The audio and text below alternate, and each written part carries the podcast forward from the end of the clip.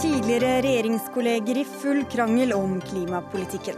Arbeiderpartiet er tafatte og vil ikke si hva de er for eller mot. Nå må partiet manne seg opp, mener SV. Religiøse skoler hindrer god integrering, eh, mener Stormberg-gründer. Totalt misforstått, svarer Kristne Skolers Forbund. Og kommer de mange asylsøkerne til Norge til å gi økonomisk vekst, eller bare enorme utgifter?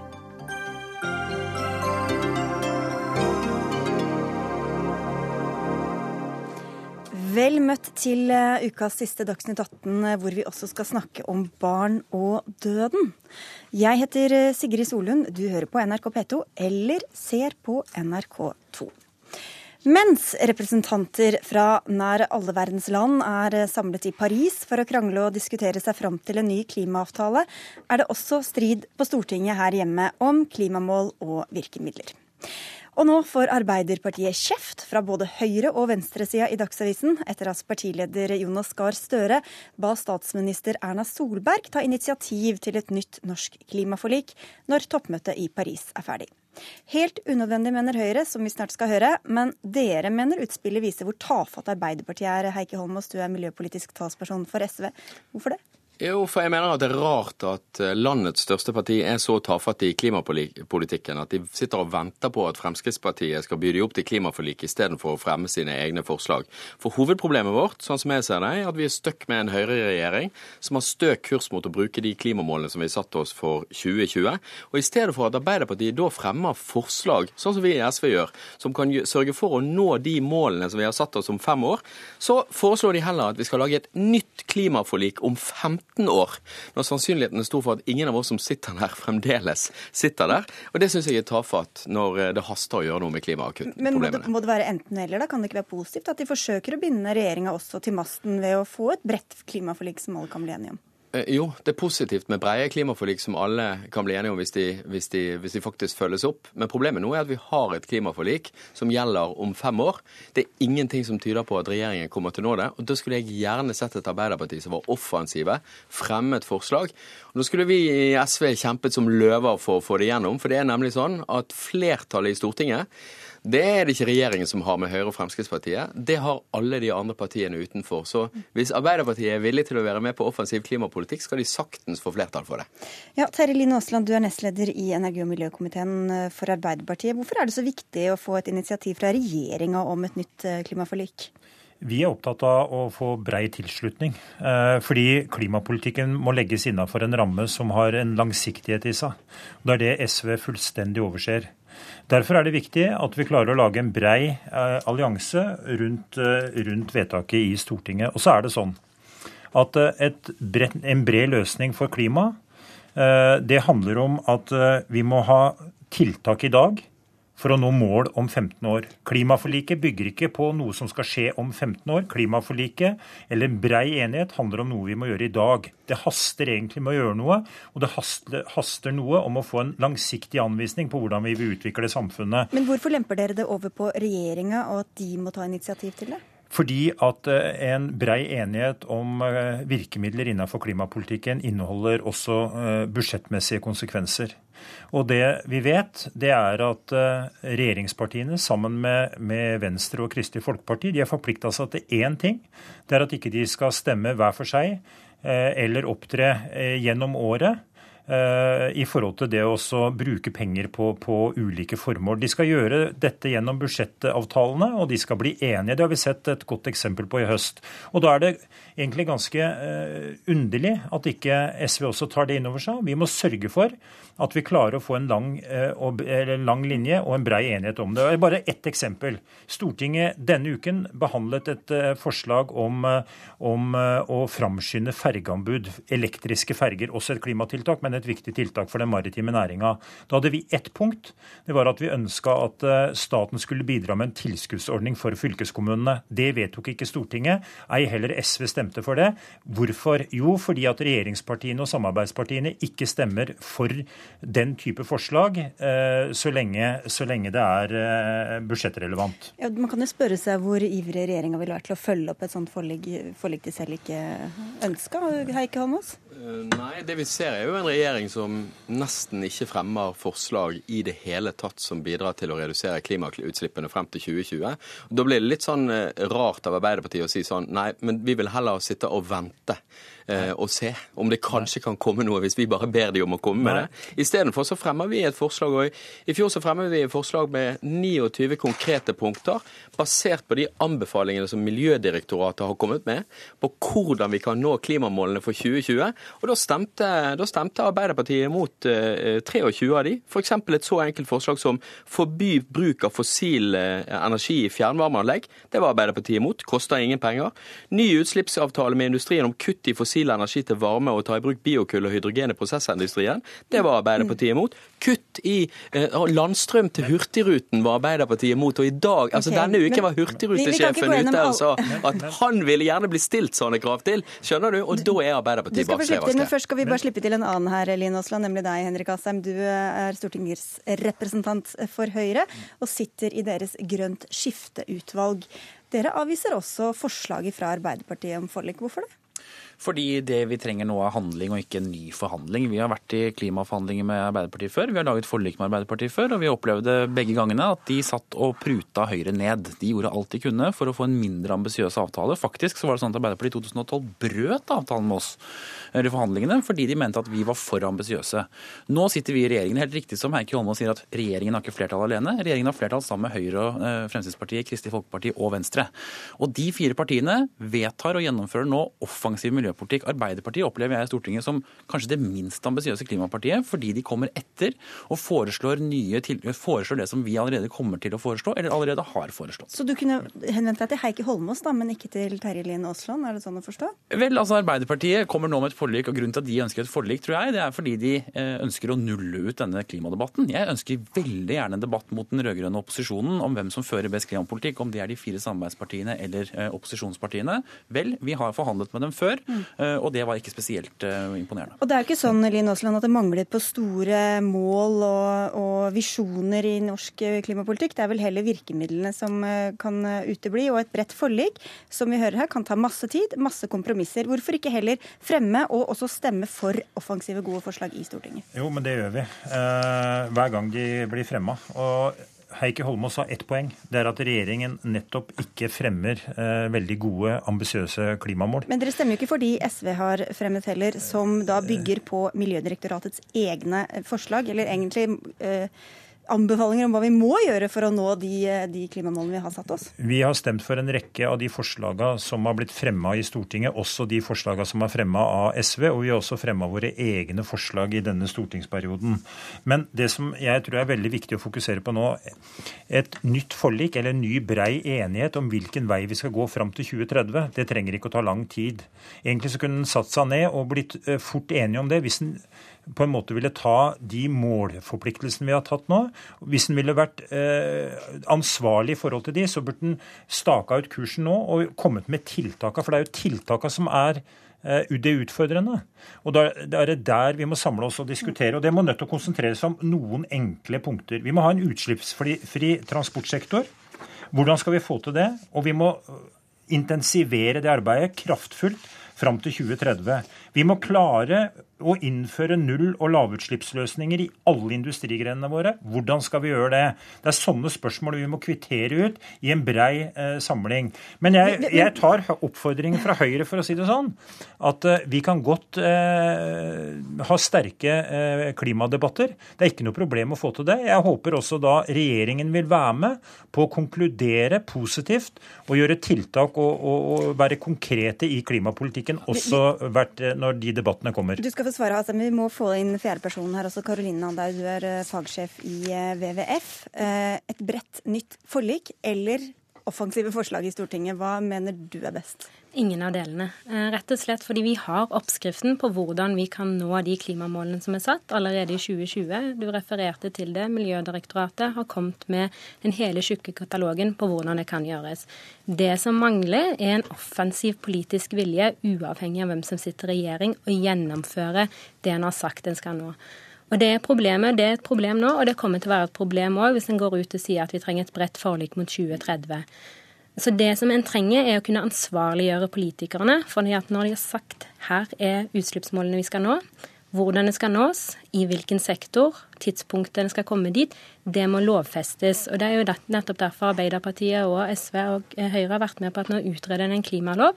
Og en klimalov kan være det verktøyet der det blir juridisk bindende og at en skal nå klimamålene. Så slik nå når Erna Solberg sier at hun gir opp mer eller mindre 2020-målene, så kunne hun nødvendigvis ikke gjort det hvis vi hadde et juridisk tak på hvordan en skal nå klimamålene. Og det Erna Solberg også har sagt, Henrik Asheim, er jo at det er ikke alle i regjeringa som er like opptatt av klima. Hvorfor kan dere ikke da vende dere til de partiene på Stortinget som, uh, som deler deres uh, interesse holdt jeg på å si, for, for uh, offensiv klimapolitikk, og stemme for de forslagene som Miljødirektoratet har sagt at må til? Vel, altså For det første så gjør vi veldig mye allerede. Vi har doblet Klimateknologifondet. Det er vi som har løftet kollektivtrafikk i storbyene. Det er vi som har fremmet grønn skipsfart. Det er fint at Arbeiderpartiet er med på det det er vi som har det i regjeringserklæringen, det er vi som nå gjennomfører det.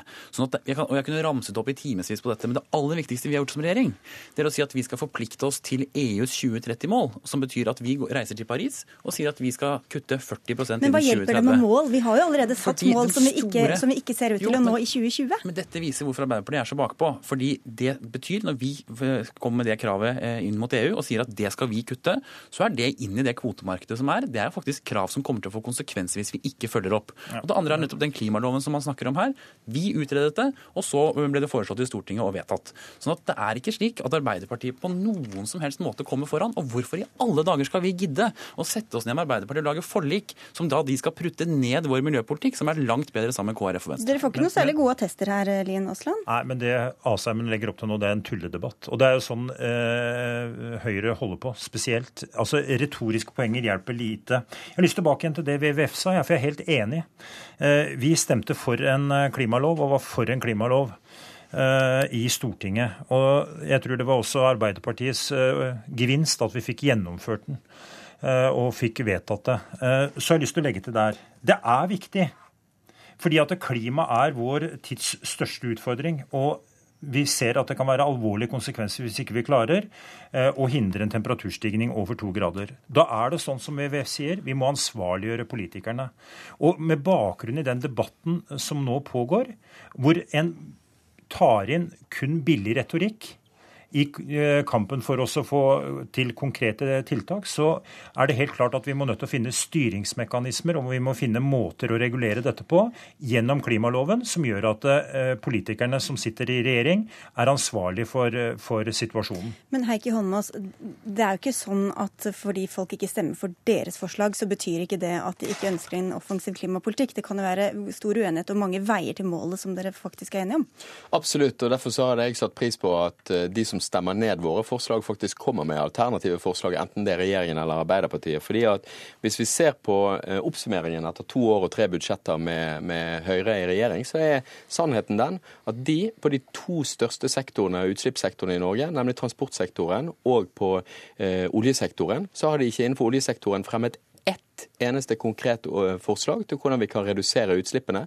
De har ikke fremmet innen transportsektoren ett forslag til hvordan du kan få flere nullutslippsbiler inn alle forslagene som blir vedtatt i Stortinget, er enten tvunget igjennom av Kristelig Folkeparti og Venstre eller av, eller av SV. Bare ta et eksempel. For ta et eksempel. Eller Arbeiderpartiet, Heike. Ja, du har vært med på det også. Du har også vært med på men la oss si sånn. Vi har vært med og tatt egne initiativ, og vi har sørga for at det har blitt et eh, breit flertall for mange forslag som har vært viktige i forhold til klima. Ja, det, det, det, det er riktig. Vi kan, vi kan, ikke ha flere, uh, flere eksempler, Heikki Holmås, okay. for det er så mange av dem. Men det er jo sånn at, som, som vi er inne på her, at det er lett å komme med litt sånn sporadiske forslag mm. og, ikke og sektorvise forslag, ikke mm. se alt helhetlig. Kunne ikke en, et nytt sånn bredt forlik vært anledningen til å gjøre det, da? Altså, Et forlik har vi hatt flere ganger, og vi har hatt brede forlik uavhengig av hvem som sitter i regjering og hvem som er stortingspolitiker. Problemet er at en ikke når de, forlik, de målene som er sagt i forliket. Gang på gang så viser historien at en faktisk ikke når utslippsmålene har sagt. Og Det er derfor det må som klimalov med karbonbudsjetter som sier noe om hvem som skal kutte når, må på plass. Og I tillegg så er jeg litt lei av å si at en istedenfor å skylde på hvem, satte, hvem sitter på Stortinget når, hvem sitter i regjering når, vi har tiltakene. Vi vet hva som vi har gjort siden 1990. Jo, utslippene har økt. Hva sier det framover? Utslippene skal øke. Hva bør vår reaksjon være når vi sier at vår tids største utfordring er klima? Jo, vi må få på plass de tiltakene for å faktisk gjennomføre at vi får ned utslippene. Og Da løper tida her så fort, Henrik Asheim. Men tilbake til dette da som var Miljødirektoratets eh, anbefalinger. De sa at dette må skje hvis vi skal nå de målene som dere politikere har satt dere. Hvorfor gjør vi ikke bare det de har sagt av deres egen fagetat? Altså, det vi nå gjør, er jo på en rekke områder å sørge for at man kutter utslippene. Men hvorfor, svar på spørsmålet. Hvorfor jo, men... gjør dere ikke bare det fag, deres egen egen fagetat har anbefalt dere å gjøre, eller sagt at dere må gjøre? Fordi vi, Det vi gjør, er at vi utvikler en klima- og miljøpolitikk som er større og mer omfattende enn som så. Altså det vi nå gjør, for eksempel, Til våren nå så kommer vi med en energimelding som ser på hvordan vi kan bygge ny industri med miljøvennlig eh, fornybar energi. Det er jo kanskje ikke et punkt på den listen, men det er noe som vi nå gjør. Det samme gjør vi når vi reiser til Paris sammen med EU. Så lager vi da et 40 kutt internt. Eh, det er et krav som vi stiller til oss selv, og som vi lover inn i EU. Når vi stiller krav om at all kollektivtrafikk skal gå på null eller lavutslipp, så er det noe som vi foreslår, fordi det er vår klimapolitikk. Sånn at det vi gjør, og det er et taktskifte i klima- og miljøpolitikken sammenlignet med den forrige regjeringen, det er ikke fordi vi har noe forlik liggende til grunn, det er fordi vi har fire partier som har mer ambisiøs klimapolitikk enn den forrige regjeringen hadde. Nullutslipp i kollektivtrafikken kom som følge av et SV-forslag, Henrik Astheim. Ja, og det som er konkret Ja, ja, men dere gjennomførte det ikke før det kom et SV-forslag, og det er det som er poenget. Men Du kan ikke være sur for at de gjør Nei, nei, jeg er kjempeglad. Du foreslår vår politikk i Stortinget, at vi stemmer for den. Men, poenget, men, det, det, mitt poeng er veldig enkelt. Miljødirektoratet har laget oppskriften. Vi kommer til å fortsette å fremme de forslagene som skal til for å nå eh, klimamålene. Og så håper vi at både Arbeiderpartiet og regjeringen vil stemme for de forslagene. Og Det aller viktigste er faktisk ikke å si hvilke tiltak en gjør på andre sektorer som ikke slipper ut fossile, er den kilden til fossile utslipp, som olje- og gassektoren. Høyre har mange gode enkelttiltak på klima, det anerkjenner vi. Men samtidig sier dere vi skal ha høyere aktivitet, mer olje og gass i framtiden. Norge leder an for å få mer olje og gass i Arktis. vi blir aldri ferdig med denne debatten. Men uh, dere kan jo komme tilbake en annen gang. Da. Så får vi se om dere kommer med eget initiativ, Terje Lien Aasland. Takk for at du var med. Og vi takk... må jo det på, basert på den debatten her. Jeg skjønner det, altså. Her er det Du kan ikke Gå fra måledebatten, som Høyre er opptatt av, til å komme med tiltaksdebatt. Og da blir det mye mer interessant og mye mer relevant og mye mer forpliktende. Herlig. Takk skal dere ha i hvert fall, alle sammen. Også takk til dere, Heikki Holmås fra SV. Henrik Henrik Asheim fra Høyre og Karoline Andaur fra WWF. Dagsnytt 18 alle hverdager kl 18.00 på NRK P2 og NRK2.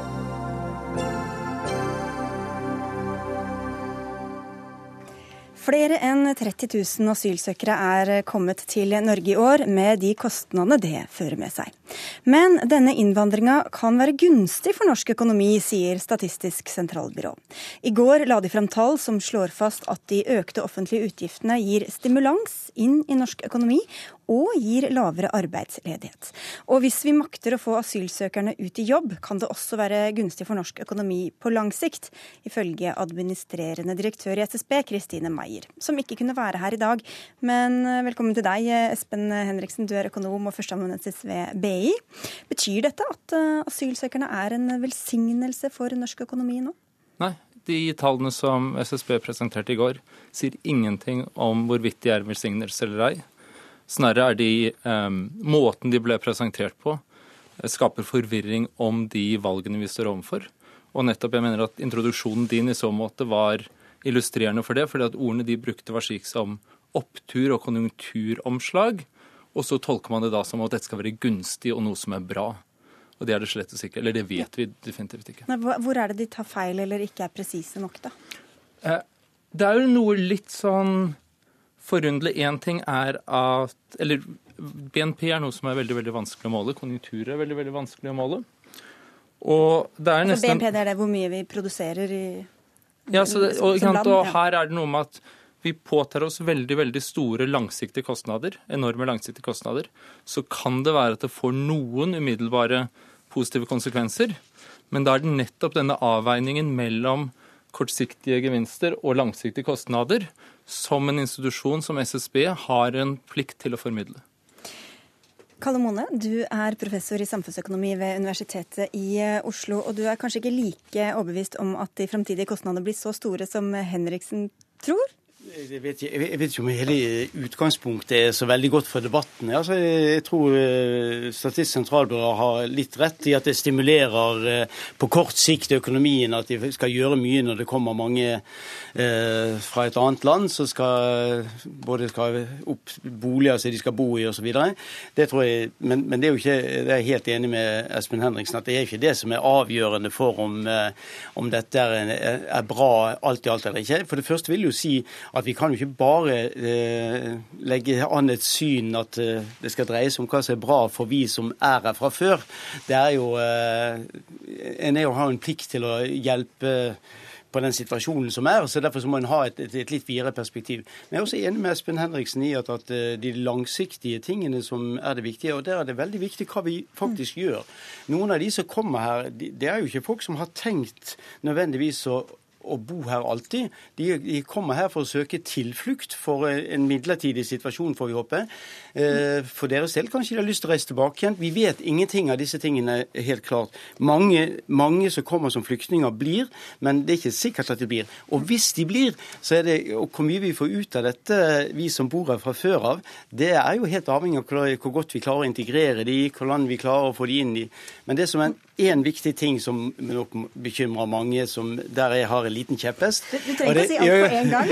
Vi kan ta alle kjepphestene med en gang. Så det er at eh, det er klart at, eh, jo flere nordmenn det kommer, jo mindre oljeformue blir det på hver nordmenn.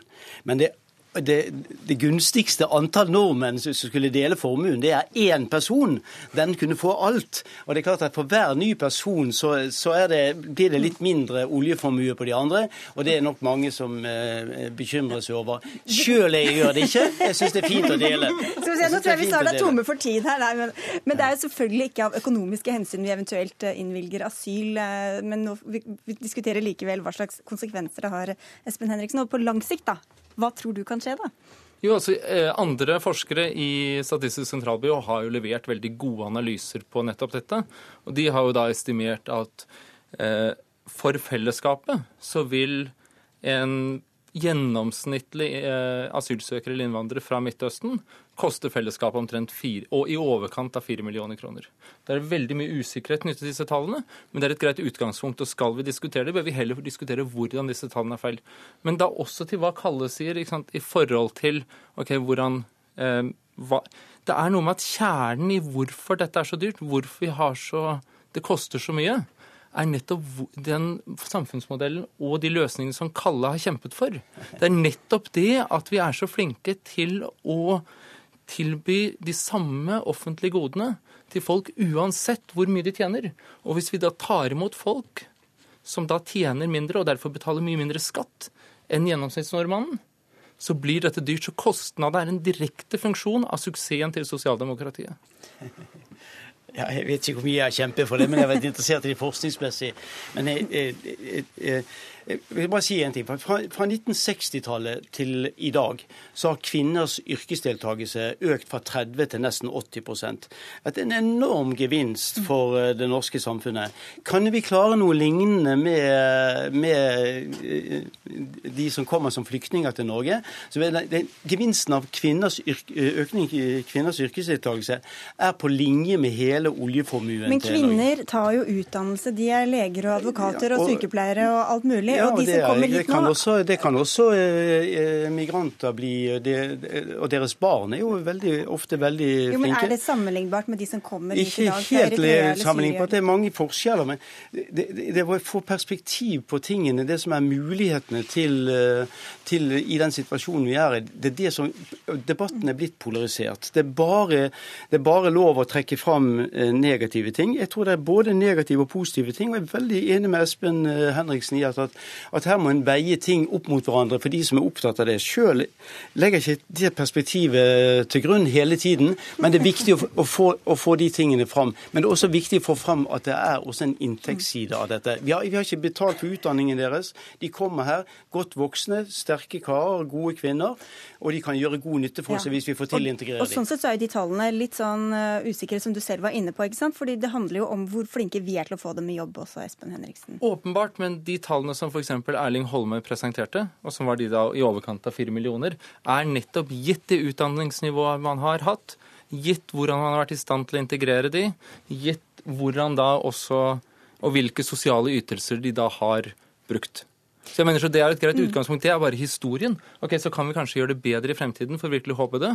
Men allikevel, det er utgangspunktet. Og det er nettopp det som er viktig, er at kjernen i hvorfor det blir så dyrt, er nettopp det som er suksessen til sosialdemokratiet. Så vi må ha lavere ytelser til dem som kommer? Det, foreslår du det? Eller? Jeg, nei, altså, jeg, det, det, det, er, det, er ikke min jobb som økonom. Mm. Jeg vil bare sånn beskrive, kan beskrive avveiningene. Det var akkurat så jeg er helt enig med Kalle Mone. Vi som økonomer beskriver avveiningene, og så må det være opp til politikere å ta valgene. Men det var nettopp der hvor rapporten og måten Kristine Meyer presenterte SSB-rapport i går, som ikke tilfredsstilte de kravene vi burde stille, som var direkte misvisende. Men, og Det er det som er problemet. For Det hun også vel sa, var at uh, når introduksjonsprogrammet og alt dette er over, så kommer vi til å være i en situasjon der hvor vi kanskje har mangel på, på arbeidskraft i Norge, og da treffer de bra på den bølgen. Ok, Det, det burde Kristine Meyer som sjef for SSB aldri si. Og kall, si, ja, men, ja, vi, det jeg kaller jeg enig i. Det kaller jeg, altså, det, det kaller jeg helt enig om, at det er liksom meningsløst å si at det er mangel på arbeidskraft. Kristine Meyers mann, Viktor Nordmann, han har sagt veldig mye om dette i forhold til handelsteori.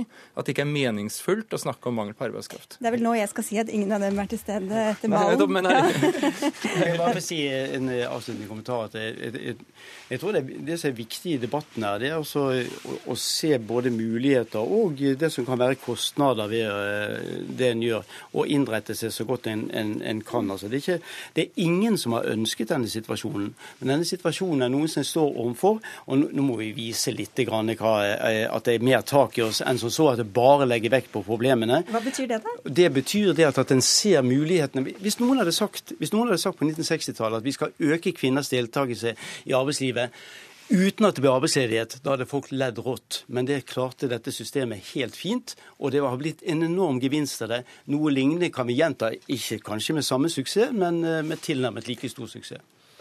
Men da tror jeg det er nettopp det som Kalle nå sier. Hvordan fikk vi det til? Det var ved nøktern økonomisk analyse og faktabasert diskusjon. Og det er det i motsetning til hva SSB, tallene SSB representerte i går. Så får vi bare invitere SSB i studio en annen dag og ønske dere velkommen tilbake. Takk skal dere ha, begge to.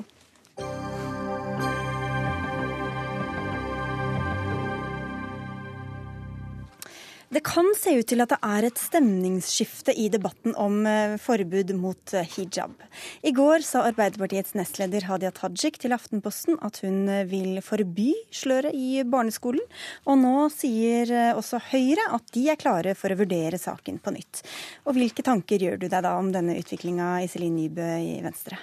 Du, jeg eh, tenker at når eh, Hadia Tajik var så tydelig i går, så var jeg litt overraska. For jeg syns at det var så lite prinsipielt. Altså, det å vite forskjellen på det du ikke liker og det du vil forby, det tenker jeg er ganske grunnleggende. Så, så sånn sett er jeg litt glad for at vi har fått en moderering i dag. Det er jeg. Vi har jo selvfølgelig invitert henne og hele resten av Arbeiderpartiet, men ingen kunne komme. Men hvorfor mener du da det er feil å forby hijab i barneskolen? Nei, Det er det mange grunner til. Men det er klart, eh, som Hadia òg eh, begynte med, med, i går, at hijab er en seksualisering av små unger. Og det er det ingen som liker, det er det ingen som er for. Men å gå til det skrittet og, og forby det, mener jeg blir feil. Både fordi vi har, vi har ytringsfrihet, vi har religionsfrihet. Det må være opp til den enkelte sjøl eller familien å bestemme hva en unge eh, skal gå kledd i. Mm. Og det å forby en type plagg, det blir feil. Dessuten så er jeg faktisk oppriktig redd for at en sånn eh, hvis vi, hvis vi som samfunn, som storting, trer en sånn regel, et forbud nedover hodene på folk, så er jeg redd for at det er veldig dårlig og negativt for eh, inkludering og integrering, og det er ikke bra i det lange løp. Erlend Wiborg eh, fra Fremskrittspartiet, ikke til Venstre og Nybø kan du si velkommen etter, men eh, kanskje til eh, flere andre nå? Ja, jeg hadde i hvert fall håpet det. For både jeg og Fremskrittspartiet ble veldig glad i går da vi hørte Hadia Tajik, og det at hun og Arbeiderpartiet da hadde snudd og nå var for et forbud mot hijab på små jentebarn i skolen. Eh, men så dessverre eh, så ser vi nå i løpet av dagen i dag at Arbeiderpartiet nå har snudd igjen. Eh, for nå sier Hadia Tajik at hun ikke er for et lovforbud mot dette. Og det er kommet inn i en trend der Arbeiderpartiet utad prøver å inntrykk at nå ønsker de en streng innvandrings- og integreringspolitikk, men når de konkrete forslagene kommer i Stortinget, så velger de å stemme imot. Det syns jeg er synd. Ja, vi, lar, vi lar Hadia Tajik hvile litt nå og se på det, på det Nybø sa. altså det prinsipielle her. Eh, et forbud mot eh, en bekledning, det er jo ganske drastisk. Hvorfor vil dere gå så drastisk til verks? Nei, eh, Dette handler om flere ting. Det første er hva er det hijaben representerer? Hva handler det om? Grunnen til at man, noen bruker hijab, er for at man ikke skal vekke menns seksuelle begjær. Eh, og når man da eh, påtrer barn ned i 6-7-8-årsalderen en hijab, så er det en seksualisering av barn som jeg tror ingen av oss ønsker, og da er det viktig at vi som samfunn eh, setter ned foten. Men så handler dette også om integrering. Eh, det er ingen hemmelighet at hijaben på små jentebarn eh, hindrer eh, integreringen, noe også vi tidligere i dag på NRK har hørt rektorer har vært ute og har hatt en stor skepsis mot den utvikling vi nå ser, at stadig flere jentebarn ned i seksårsalderen bruker hijab, noe som hindrer integreringen, er upraktisk, og ikke minst så er det en uønsket seksualisering av barn. Ja, Det er dere altså enige om, Nybø. Og hvis seksualisering av barn ikke er viktig nok til å skape et forbud, hva er det da?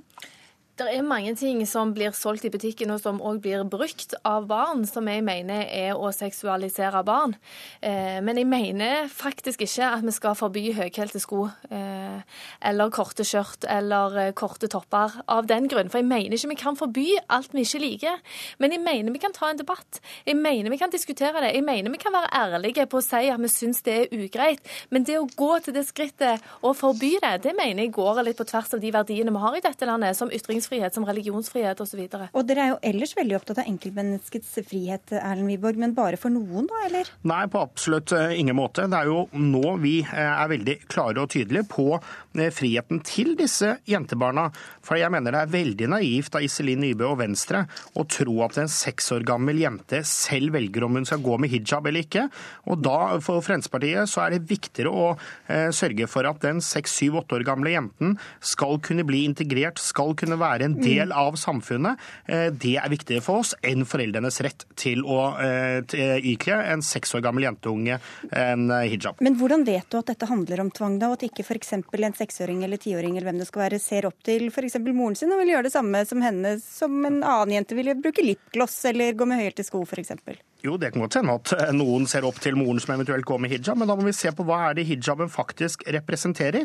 Det representerer noe uønsket eh, i Norge når det er en seksualisering av barn. Men er det nødvendigvis en seksualisering, eller kan det handle om mote eller bare tilhørighet? Ja, for noen kan det være, men vi hører jo stadig flere og flere muslimske kvinner ønsker jo dette forbudet, som Fremskrittspartiet nå, nå igjen tar til orde for.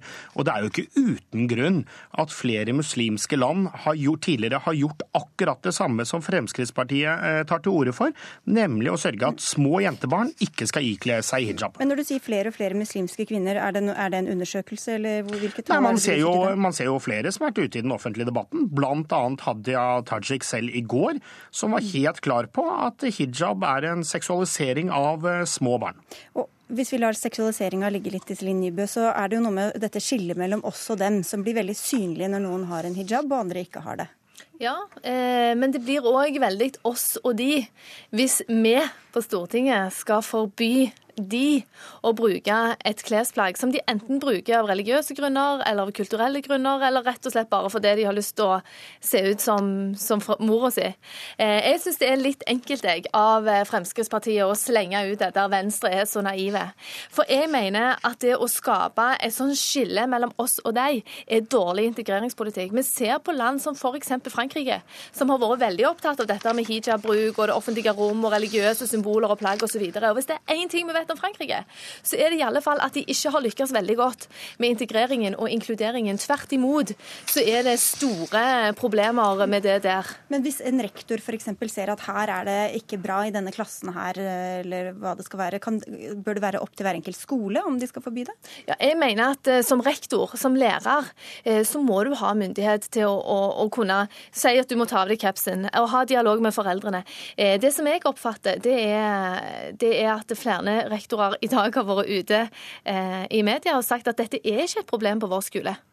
Eh, vi ønsker ikke et sånt et forbud. Og da mener jeg det er helt eh, feil vei for oss på Stortinget å gå, hvis vi skal påtvinge alle et forbud, når vi hører òg fra rektorer at de ikke ønsker det. Så dere hører litt forskjellige ting fra litt forskjellige steder, Erlend Wiborg. Helt til slutt her. Hvorfor ikke la det være opp til hver enkelt skole og hver enkelt rektor? Nei, for Utgangspunktet er at ethvert samfunn må ha et sett eh, regler, et sett overordnede regler. Og jeg tror det hadde vært veldig vanskelig å håndheve hvis det var lov med hijab i den klassen, men ikke i den klassen. For her handler det om vil vi godta en seksualisering av barn? Vil vi godta et plagg som hindrer integrering av barn? Og Da vil jeg sterkt advare mot det Iselin Nybø og Venstre nå gjør, og prøve å gi inntrykk av at alt med innvandring og integrering i Norge har vært problemfritt pga. at vi har hatt dialog. Jeg tror de fleste nå innser at det er på tide faktisk at vi må våge å sette noen eh, krav. Det at Når man bor i Norge, så er det noen sett normer og regler som eksisterer. Og vi skal ikke godta da et integreringsfiendtlig eh, plagg at, det, at eh, små jentebarn ned i 6-7-årsalderen skal bli påtvunget det for å tilfredsstille foreldrenes ønsker og krav. Jeg mener vi har noen regler vi lever etter i dette landet. Det er demokrati, det er ytringsfrihet, det må gjelde alle, og det må gjelde religiøse plagg òg. Vi har heller ikke forbud mot caps, selv om enkelte skoler sier nei. og det ikke er like kledelig ball heller. Men denne friheten er det da viktig at disse seks, syv, åtte år gamle jentene får. Og jeg syns det er viktigere faktisk å mm. sørge for at de seks, syv, åtte år gamle jentene skal kunne leke fritt med sine jevnaldrende, enn at vi skal tilfredsstille foreldrenes eh, frihet i dette tilfellet. Så får vi se hva, hvor Arbeiderpartiet og Høyre lander, eh, og hvem dere får med dere. Takk skal skal dere ha begge to, Erlend Wiborg fra Frp og Iselin Nybø fra Venstre. Jeg er imot at unger blir seksualisert.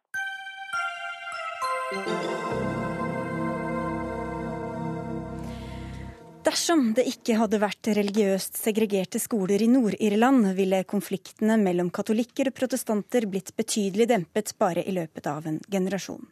Dersom barn av jødiske, kristne og muslimske foreldre hadde gått på samme skoler i Israel, kunne kanskje Israel-Palestina-konflikten fått en mulighet til løsning i løpet av et par generasjoner.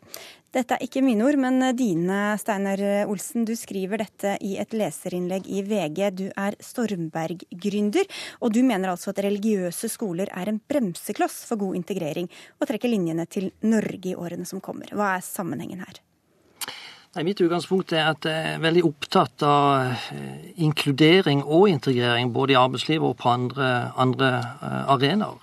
Og Dessverre så vet vi jo det at eh, religion eh, dessverre i mange sammenhenger har bygd eh, flere barrierer enn det har bygd eh, broer. Vi vet at segregerte skoler har skapt utfordringer i mange samfunn. og Derfor er det viktig å reise en debatt også i Norge på om det er riktig av, offentlige norske myndigheter å fortsette finansieringa av religiøse skoler, som faktisk innebærer at barn i seksårsalderen blir eh, skilt fra andre elever basert på sin kulturelle bakgrunn og basert på sin religion. Som vi akkurat hørte, så hadde vi nettopp en debatt om hijab i norske skoler. og Det er kanskje mange som tenker på muslimske skoler når du snakker om segregering og integrering, men for Norges del så er det jo først og fremst kristne skoler det gjelder? I første omgang så er det primært kristne skoler det gjelder. Men det er klart at Norge, som er opptatt av religion, religionsfrihet, kan selvfølgelig ikke behandle muslimer muslimske eh, trossamfunn annerledes enn de behandler kristne trossamfunn. De kan ikke behandle katolske eh, trossamfunn annerledes enn de behandler kristne trossamfunn. og Derfor er det viktig å rette fokus på det som faktisk har vært eh, bærebjelke for uh, utvikling av det norske samfunnet, nemlig den offentlige fellesskolen. En fellesskole hvor barn møter hverandre uavhengig av sosialt og kulturelt uh, ståsted, uavhengig, uavhengig, av religion. De får kunnskap, de får testa meninger, de får lært kritisk tenkning, og de møter, møter andre elever uavhengig av tro og etnisitet. Det er jo den type ting som er viktige også i forhold til integrering i Norge i fremtida. Det er det som er viktig hvis en ønsker et trygt og godt flerkulturelt samfunn samfunn der barn blir kjent med hverandre på tross av religion. Da går det altså i så fall utover dere i Kristne Friskolers Forbund, der du er generalsekretær, Jan Erik eh, Sundby, og dere organiserer nesten alle kristne skoler i Norge. Bidrar dere da til å segregere og skille? Nei, jeg kan absolutt ikke snakke om at det er segregerte skoler, de som er medlemmer i vårt friskoleforbund. Reiser en rundt på våre medlemsskoler, så vil en finne et stort spekter av elever fra ulik kulturell bakgrunn, ulik etnisk bakgrunn og ulik eh, trostilhørighet. Det er nok til å besøke skoler som ligger i områder hvor vi har en skal vi si, differensiert befolkning på dette området, så gjenspeiles det i skolene. Så, så livssynsskoler i Norge er på ingen måte segregerte skoler. Det er eh, kristne skoler for barn, og ikke skoler for kristne barn. Hvor god er da sammenligninga med f.eks. Israel eller Nord-Irland, syns du? Jeg kjenner ikke forholdene veldig godt eh, i de landene. Det er ikke så veldig lenge siden jeg var i Ramallah og besøkte en luthersk skole. Der gikk det en god del også muslimske barn og kristne barn, og vesentlig. Og, og, og det representerte, syns jeg, en veldig god eh, integreringseffekt eh, lokalt. Og det ble pekt på der lokalt. Men jeg, jeg, jeg kjenner ikke disse landene godt nok, Nei. og jeg tror liksom bildet er litt mer nyansert enn som så. I Norge så har vi noen regler i bånn her som gjør at uh, livssynsskole er pliktig til å ta inn de søkerne som kommer. Det er klart at disse skolene er etablert på grunnlag av livssyn og en livssynstilhørighet, men det er mange grunner til å søke disse skolene som, som er forskjellige nær sagt fra person til person. Hva slags eh, konflikter eller skiller er det egentlig i, i, i Norge her da, Olsen? Nei, altså, for det første så vil jeg jo prøve å få frem et viktig poeng. og Det er jo det at det er ikke bare vi som er opptatt av et eh, flerkulturelt eh, samfunn med en god integrering som, som mener disse tingene. Vi vi kan ta et eksempel med Jan Ola Henriksen, som er professor ved Menighetsfakultetet, som også er veldig tydelig på at han er kritisk til at eh, kristne foreldre vil ha egne grunnskoler, nettopp fordi at det kan hindre en god uh, integrering. Og uh, Vi må også huske på hva er det skoler i utgangspunktet er. Jo, skoler skal være en trygg læringsarena for alle. Man skal basere seg på kunnskap. En skole skal ikke være en, en, arena for forkynning og for opplæring i en spesiell eh, religion. Det er bra på skolen at en lærer om mange religioner, men det er ikke bra at skolen blir en uh, forkynnings- og misjoneringsarena. Og Det er jo det som dessverre har vært en del av, av utfordringa. Og det kommer til å bli en større utfordring i Norge, som er et flerkulturelt samfunn, som kommer til å oppleve det i mye større grad i fremtida. Og Da er det veldig viktig at ikke vi skiller barn uh, fra hverandre. Det er veldig viktig at barn blir trygge på hverandre kjenner hverandre og forstår det at eh, faktisk så er det veldig OK å ha en legekamerat som har en annen religion og en annen bakgrunn enn en, en, en, ens egen. Det er det som er viktig for å unngå eh, segregerte skoler og få til en god integrering. Og For å oppnå det så vil han altså frata dere statsstøtte, Sundby? Ja, jeg hører det. Så tror jeg på en måte ja, vi har på en måte absolutt samme ønske om å ha en god integrering. Hvis vi drar til noen av våre medlemsskoler, her i Oslo, så vil du finne altså elever fra ulike trossamfunn. Og forskjellen altså, Det drives jo ikke en, en form for Hvor mange buddhister og muslimer og sikher er det som går på de kristne skolene, da? Jeg har ikke noe antall på det. Vi etterspør ikke hva, hva, folk tror og ikke tror. Men uh, jeg kan godt uh, peke på noen skoler hvor vi har en, ikke bare én, men mange, altså en god del, f.eks. muslimske elever. Uh, det tror jeg handler om at de som søker dit, ser at en skole som har på en måte et, en, en en eh, plassering trosmessig eh, er en grei skole å forholde seg til.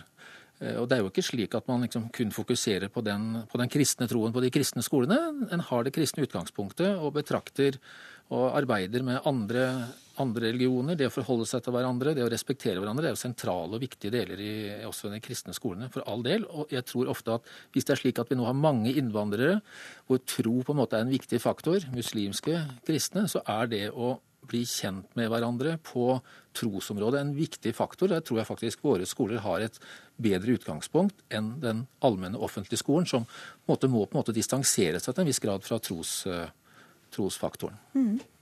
Olsen?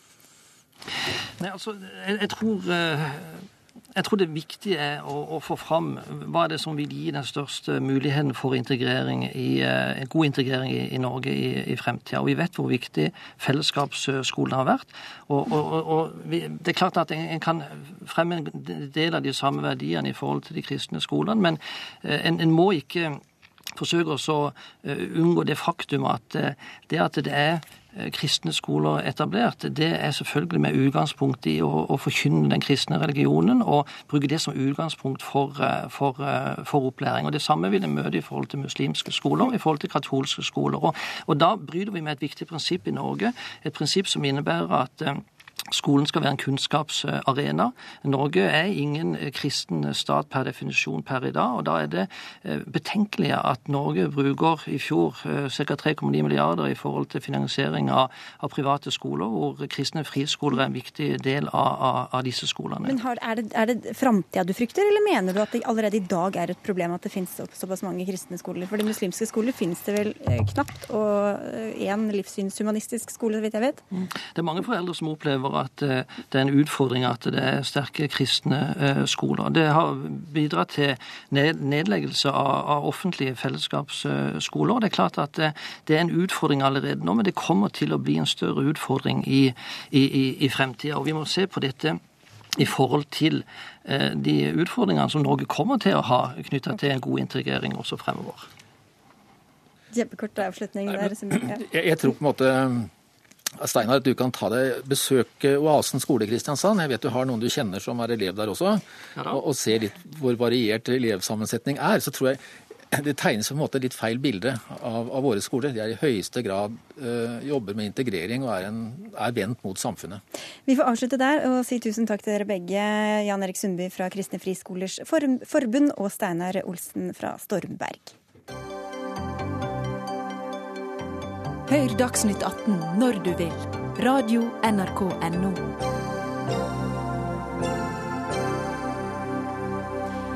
Elever ved studieforberedende fag ved Sandefjord videregående skole opplever ofte at de ikke får vikar hvis faglæreren deres er syk, skriver Sandefjords Blad.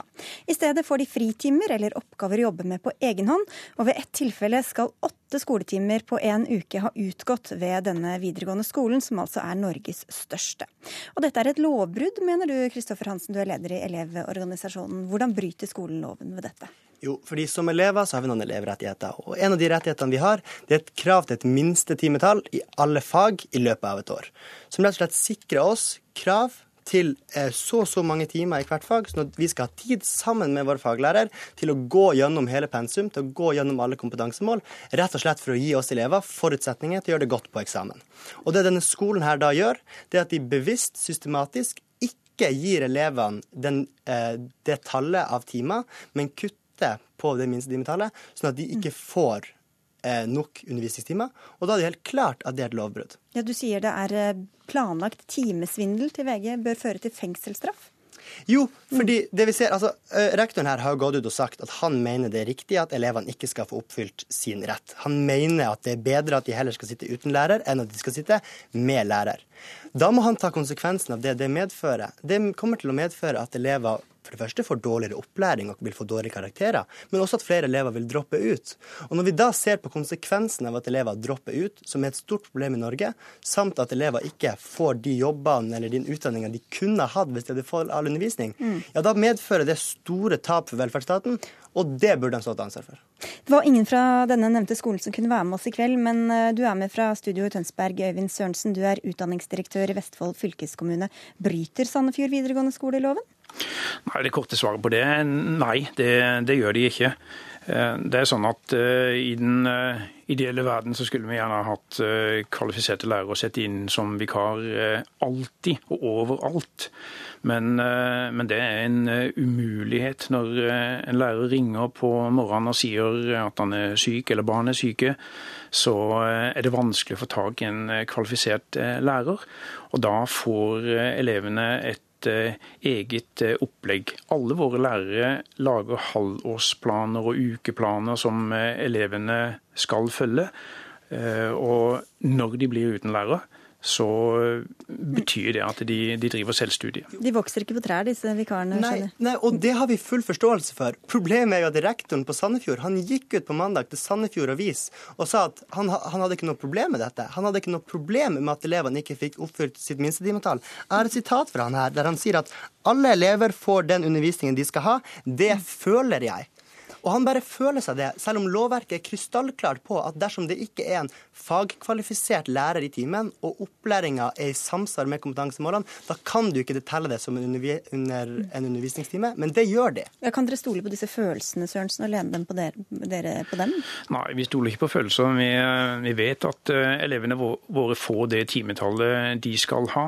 Selv om de av og til må være uten uh, lærer, så har de et, uh, et opplegg. Og det er ikke sånn at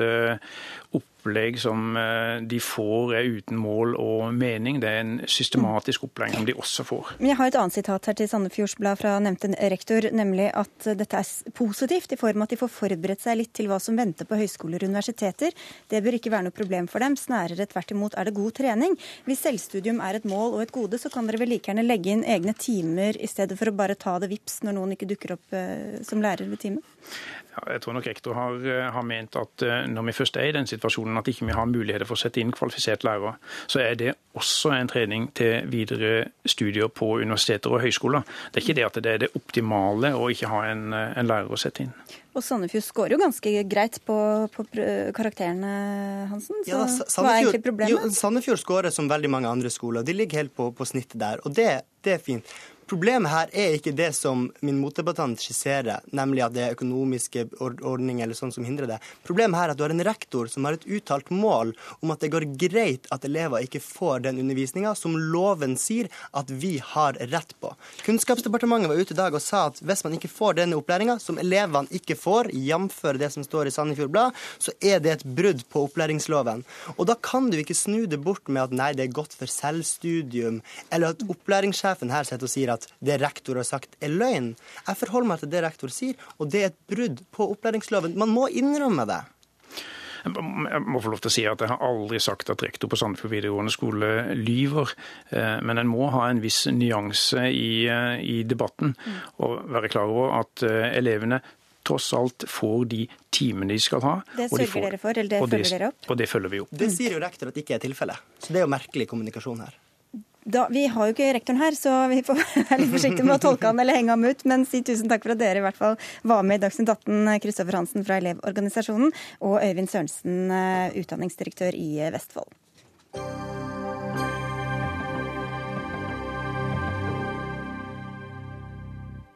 Og nå til noe vi sjelden snakker om i Dagsnytt 18, men som til gjengjeld angår oss alle, nemlig døden. Og da må jeg ønske velkommen i studio til deg, Elisabeth Helland Larsen. Du er til daglig kunstnerisk leder i Sykehusklovnene, men nå har du skrevet en barnebok om døden, 'Jeg er døden'. Hvorfor tror du foreldre og barn trenger en bok om døden? Jeg tenker at det er et viktig tema å snakke om, og jeg føler at det er litt tabubelagt. Eh, så jeg tenker når man kanskje får et mer avbalansert forhold til døden, så kan man også få et sterkere forhold til livet. For disse tingene henger så tett i hop. Så denne boka er vel et forsøk på en mer varm og fargefull måte, og veldig direkte måte, eh, snakke om døden til barn. Og det er døden som omhandler barn, helt fra barn i magen, små barn, store barn dyr og gamle mennesker. Mm. Og hele syklusen, det, det, er med død og liv. Mm. Ja, for I boka di så er døden en jente som reiser rundt og tar med seg folk. Og hun er tett knytta opp til en annen jente som heter Livet. Mm. Og døden forklarer at hvis hun ikke tar mennesker og dyr og planter, så blir det ikke plass til nytt liv. Hvordan ville du presentere døden i boka di, sammenlignet med hvordan den er blitt omtalt i andre barnebøker? Ja, jeg prøvde å være veldig direkte i og med at jeg jobba ganske tett på døden som klovn i veldig mange år. Så hadde jeg et behov for å, å, å prate om det veldig konkret, uh, og også i jeg-form. Uh, slik at man ikke distanserer seg. Jeg tror det er mange barnebøker om spurver som blir begravd i skoesker, og mer sånne fantasifigurer. Men dette var et forsøk på å være mer konkret, men på en fargefull og varm måte måte. Mm. Du sa at dette er tabubelagt. Hvorfor tror du det er så vanskelig for mange å snakke med barn om det? Det er kanskje en litt sånn nordisk greie at på overflata så er det kanskje litt sånn tabubelagt. Men jeg tror når man begynner å pirke det, og begynner å tørre å snakke om det sammen, så velter det opp følelser. Og barn har jo i utgangspunktet et utrolig naturlig forhold til døden. Så jeg tror kanskje at det er vi voksne som legger litt sånn lokk på det.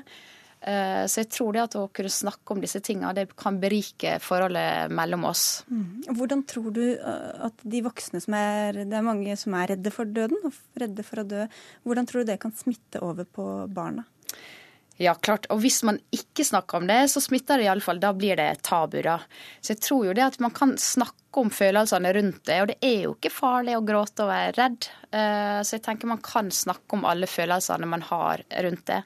Men når man kommuniserer kanskje direkte med barn og om døden, så vil de kanskje fremstille det mye mer fargerikt, og det kan være engler og håp, og det er et helt annet univers enn kanskje mange voksne ser for seg. Så det er jo viktig å på en måte bevare håpet og på en måte kjærligheten og gnisten og livet i samtalen om døden. da, At det kan være bro til å, til å berike oss, og ikke nokså på en måte lage en håpløs slutt. Mm. Mm. Du har jo barn selv, de sitter vel ute i sofaen utenfor her akkurat nå. Og det er jo en del barn som er redde for at mm. enten foreldre eller besteforeldre eller andre rundt dem skal dø. Mm. Hvordan burde vi snakke med barn om døden, f.eks. med utgangspunkt i denne boka? Ja, jeg har ikke noen sånn oppskrifter, men nå jobber jeg som klovn, så jeg bruker mitt kunstneriske verktøy i møte med ja, både barn som skal dø og barn i unntakstilstand. Eh, men jeg tenker iallfall å snakke om følelsene sine og tørre å sette ord på det er viktig. Og også kanskje ta barna inn i våre ritualer som omhandler død, som er mye mer vanlig i kanskje sørpåliggende land. Eh, så jeg tenker vi skal iallfall ikke være redde for det, men tørre å, å prate om det, da. Mm. Mm. Døden kan jo være skremmende nok i seg selv, og at den også kan komme i barn, til barn, som mm. du skriver om også, er jo noe vi knapt eh, orker å tenke på. Ja. Og som du selv sier, så jobber du som klovn på sykehus og tett opp til sykdom og død. Og hvordan opplever dere at barna tenker på, tar imot død? Ja, jeg kunne ønske at jeg ikke hadde jobb som sykehusklovn. At det ikke var barn og smerte og barn og død og den realiteten vi befinner oss i. Men den, så lenge den er der, så tenker jeg så kan vi som sykehusklovner med vårt kunstneriske verktøy være med i den prosessen. Og det er med ydmykhet og ærbødighet at vi også får være med barn inn i den terminalfasen, den siste fasen av livet. For det er jo sånn at når et barn skal dø, så har jo man leiken og fantasien og gnisten i seg helt til det slutt. Uh, og hva som er etterpå, skal jeg ikke uttale meg om. Men det at vi kan komme utenfra og virvle opp disse her nå, uh, positive kreftene, og den leiken som alltid er der, det tror jeg at kanskje pårørende og familie rundt syns er en fin ting å oppleve sammen. For det sier seg sjøl at i en sånn unntakstilstand så kan man kanskje ikke mobilisere akkurat de tinga. Men at det kommer noen og banker på, og, og er med å, skifte stemninga litt, kan være en fin ting. Og man blir jo ydmyk av å se hvor sterke mennesker er, og hvor sterk den kjærligheten er som holder oss sammen og får til det umulige. Mm. Jeg tenker Denne boka handler så vel så mye om livet og en hyllest til livet og de kreftene som er i oss når vi skal takle døden. Så dere prøver å holde siste rest av livet ved like? Ja, det er absolutt leiken og barnekrafta er jo der helt inn, og den er vi med å fiske frem. Mm. Eh, og om noe tema er universelt, så er det, er det, vel nettopp døden. Og nå blir det også oversatt til eh, flere andre språk? Ja, det blir spennende. Nå blir det til tysk og engelsk i første omgang. Så det blir spennende å se om vi har Ja, om det sparker i gang like samtaler rundt det i eh, andre land. Da. Det er vel den mest universelle tingen som fins. Men da jeg snakket med deg litt tidligere, så sa du at du hadde ikke egentlig turt å tenke på eller spørre om hva slags målgruppe boka hadde? Nei, jeg har kanskje ikke spurt Magigon Forlag om hvem er målgruppen målgruppe. Eh, men det er nok ei barnebok. Men jeg har fått mye tilbakemeldinger at det er også ei barnebok for voksne. At den kan brukes i voksne sammenhenger.